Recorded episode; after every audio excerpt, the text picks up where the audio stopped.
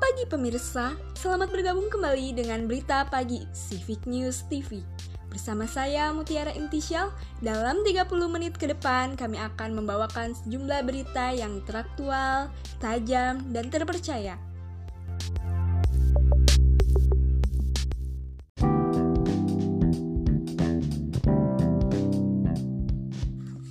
Pemirsa, persiapan pembatasan sosial berskala besar atau PSBB mulai Jumat esok segera diberlakukan. Lalu bagaimana kondisi di Jakarta? Dan persiapannya sehari sebelum PSBB diberlakukan? Berikut laporan reporter Civic News.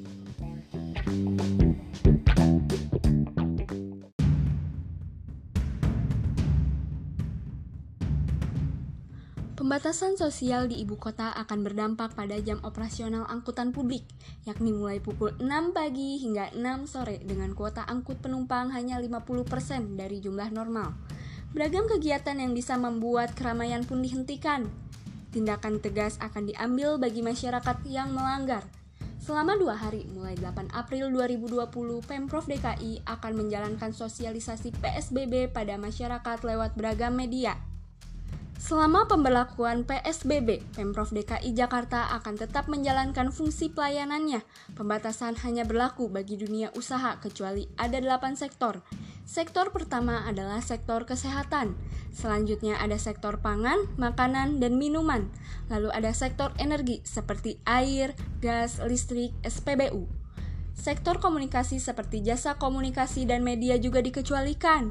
Selanjutnya, ada sektor keuangan dan perbankan termasuk pasar modal. Berikutnya, sektor logistik dan distribusi.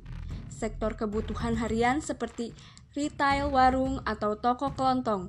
Dan yang terakhir adalah sektor industri strategis.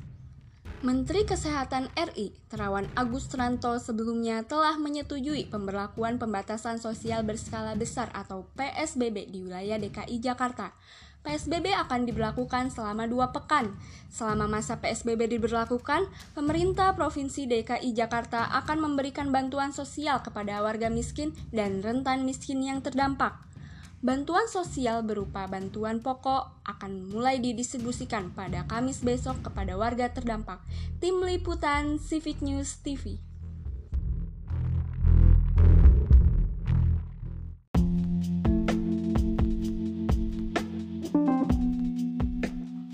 Pemirsa, informasi tadi sekaligus menutup perjumpaan kita kali ini.